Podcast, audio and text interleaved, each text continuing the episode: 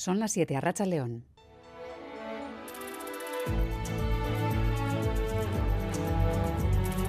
Gambara con Miriam Duque.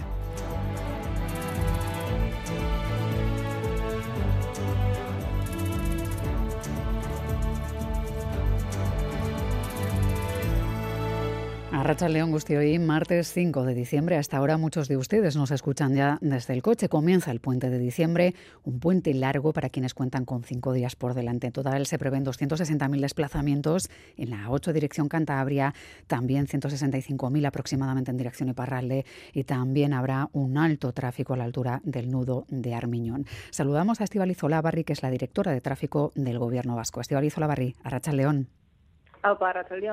Bueno, hasta ahora ya son miles las personas que se preparan para disfrutar de estos cinco días de puente. Algunas estarán ya en destino casi o en carretera. Todo ello se traslada a esas carreteras con miles de movimientos. ¿Cuáles son los puntos que van a registrar mayor afluencia o en los que estáis eh, más pendientes? Bueno, eh, parece ser que los puntos van a ser, eh, como siempre, a la altura del nudo de Armiñón, en Álava, en la conexión entre la antigua P1 y la, y la A1 evidentemente la Muga con Iparralde en la P8 y, como no, la, la zona limítrofe con Cantabria, la 8. Se esperan, entiendo, menos movimientos por lo que hemos visto que el año pasado, aunque en los mismos puntos. Supongo que tiene que ver porque es un poco menos largo el puente, ¿no? A ver, nosotros barajamos que es por eso. El año pasado era, era, ya no eran puente, eran prácticamente 10 días.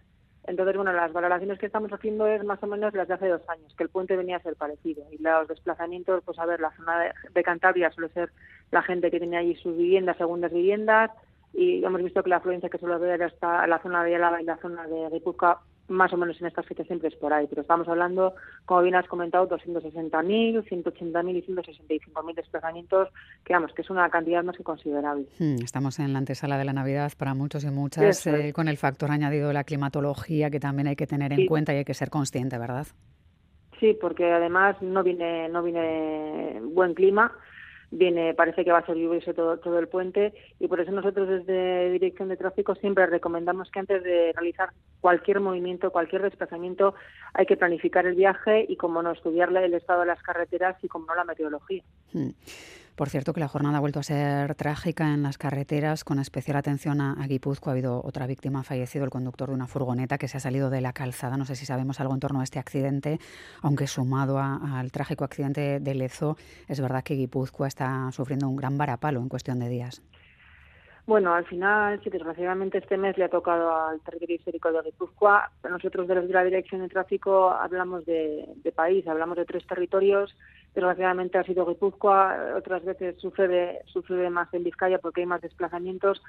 Nosotros lo que hacemos desde la, desde, desde la dirección, como no, es fomentar y, insistir en esas campañas de sensibilización, en, esos colectivos vulnerables, ¿no? en esas personas mayores, en esos preconductores, en motoristas, en ciclistas eh, y sobre todo en, los consejos que siempre estamos diciendo, ¿no? Eh, eh, parece que, que, cuanto más conducimos perdemos la perspectiva, nos despistamos, cada vez más gente utiliza el móvil, ¿no? Hay que utilizar el móvil cuando estamos conduciendo, tenemos que olvidarnos de los navegadores, los navegadores tenemos que ponerlos, que instalarlos, que analizarlos y estudiarlos antes de comenzar el viaje. Entonces esas son bueno, son, son medidas que nosotros eh, una y otra vez, cada vez que, que, podemos, las, las recortamos a todos los a todos los conductores y conductoras, porque no podemos olvidar que el tema de la seguridad vial es un tema de todos, de conductores, de instituciones públicas, de empresas, de todos los que a fin de cuentas utilizamos las carreteras. Cierto es, sí que aunque tengamos en mente y en el corazón el caso de Lezo, con dos fallecidos y una tercera persona herida muy grave, el accidente que se producía hoy también en carreteras guipuzcoanas, el objetivo siempre es eh, cero víctimas, ¿verdad? A ver, nosotros eh, tenemos un plan estratégico y hay un pacto vasco de seguridad vial y, estamos enfocados y orientados y centrados en una visión cero víctimas. Eh, ese es el objetivo y seguiremos trabajando desde luego eh, hasta que ojalá podamos conseguirlo, ¿no? esa meta. Estibaliz Olavarri, directora de tráfico del Gobierno Vasco, es que recascó por pasarse por Radio Euskadi buen viaje, si tiene también previsto moverse estos días. ¿eh? Vale, es que ricasco, Zuli. Agur. Venga, agur.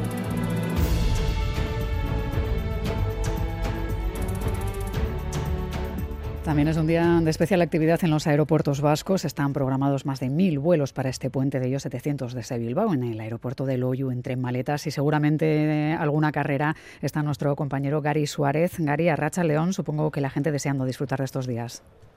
Sí, de Miriam. Bueno, pues aquí en el aeropuerto del Hoyo está siendo una tarde pues eh, con ir y venir de gente, pero bastante tranquila, ¿eh? sin sobresaltos en forma, por ejemplo, de retrasos de última hora y tampoco, eh, pues, tampoco con una afluencia fuera de lo normal. Se respira, eso sí, tú lo decías, ambiente de comienzo de puente, con grupos grandes de amigos, con familias que se van a pasar unos días fuera. Decía ahora mismo Estival Izolabarri que aquí el clima viene lluvioso, y por eso muchos se van buscando un mejor tiempo. Escuchen.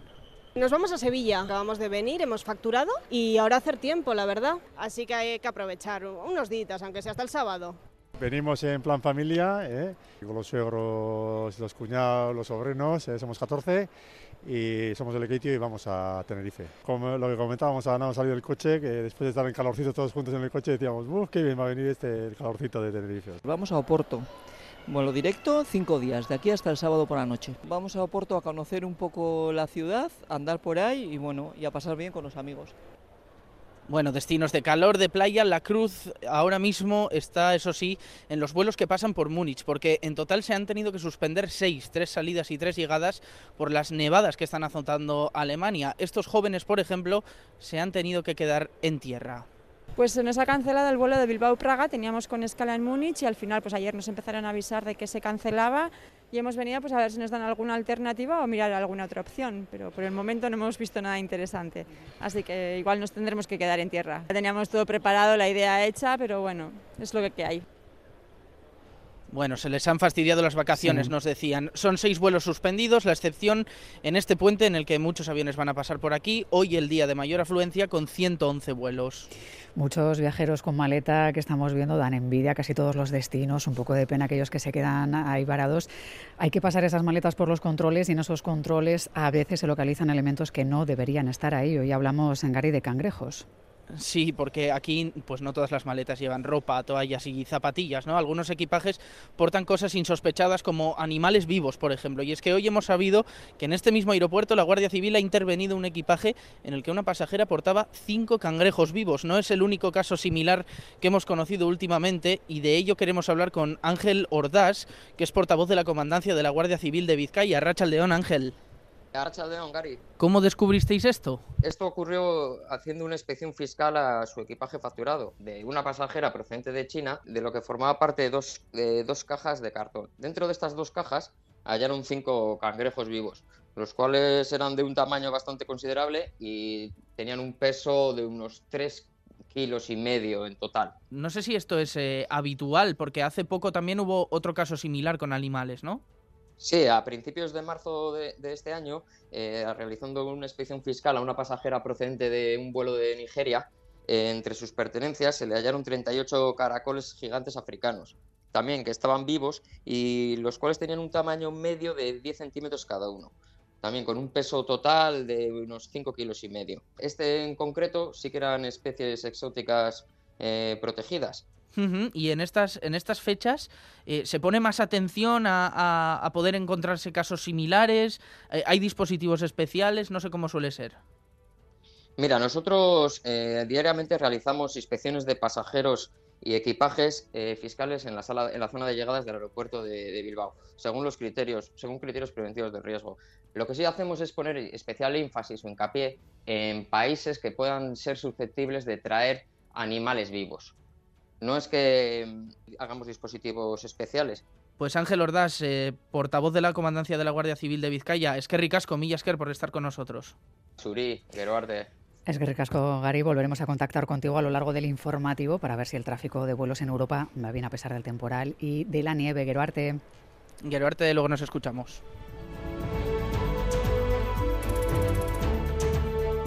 En Europa ya sabemos mucho frío, pero seguro que no tanto en nuestro entorno más cercano, o eso esperamos. Maider Martín, Arracha León, ¿cómo están las cosas? Arracha León, pues si no se van de puente han de saber que mm, se espera tiempo seco en nuestro país, sobre todo en el sur, con ambiente claro, a pesar de algunas nubes medias y altas. Siguiendo la tendencia, habrá que abrigarse, eso sí, hará frío. De hecho, las máximas en el interior no van a superar los 10 grados y se va a llegar a los 12 en el litoral.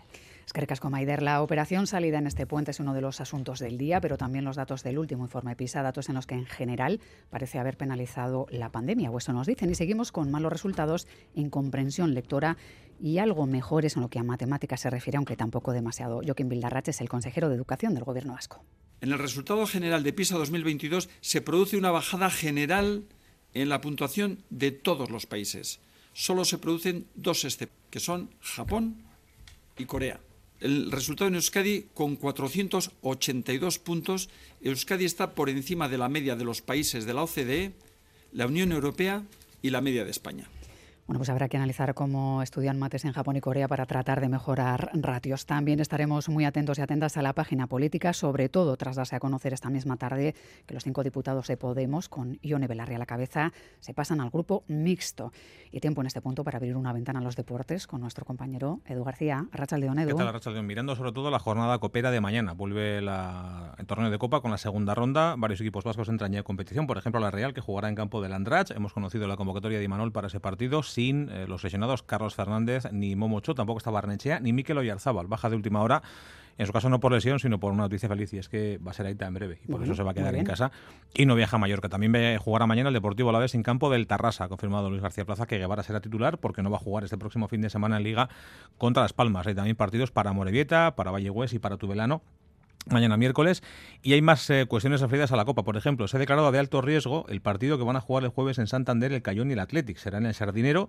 Eso implica que no se van a vender entradas eh, el día del partido. Es decir, hoy es eh, hoy mañana por la tarde es la última opción que tienen los seguidores, tanto del Cayón como del Athletic, que se espera que haya muchos además, cerca de 2.000 eh, para conseguir entradas en el escenario del partido, en el Sardinero. El jueves no se van a abrir las taquillas y, por tanto, si alguien tenía pensado esperar a última hora, que no lo haga porque no va a poder. Y un lesionado más en Basconia, Matt Costello, tiene un esguince en el tobillo derecho, se lo produjo el pasado fin de semana ante el eh, Juventud en el partido de la Liga y no jugará mañana seguro ante Fenerbahce en la Euroliga y se va a perder seguro algún partido más. Esta semana Basconia tiene muchas citas, pues tiene que jugar tres encuentros, miércoles y viernes en Euroliga y domingo en Liga CB. Es seguro que no va a estar en ninguno de los tres. Veremos para cuánto tiempo está fuera vivo norteamericano. Bueno, pues le deseamos lo mejor a quienes tengan que recuperarse. Es que recasco, Edu. Bueno, gracias por elegir un día más en Radio Euskadi y Radio Vitoria para informarse. Un saludo de Miguel Ortiz y Alberto Zubeldia en la dirección técnica y de Cristina Vázquez en la coordinación.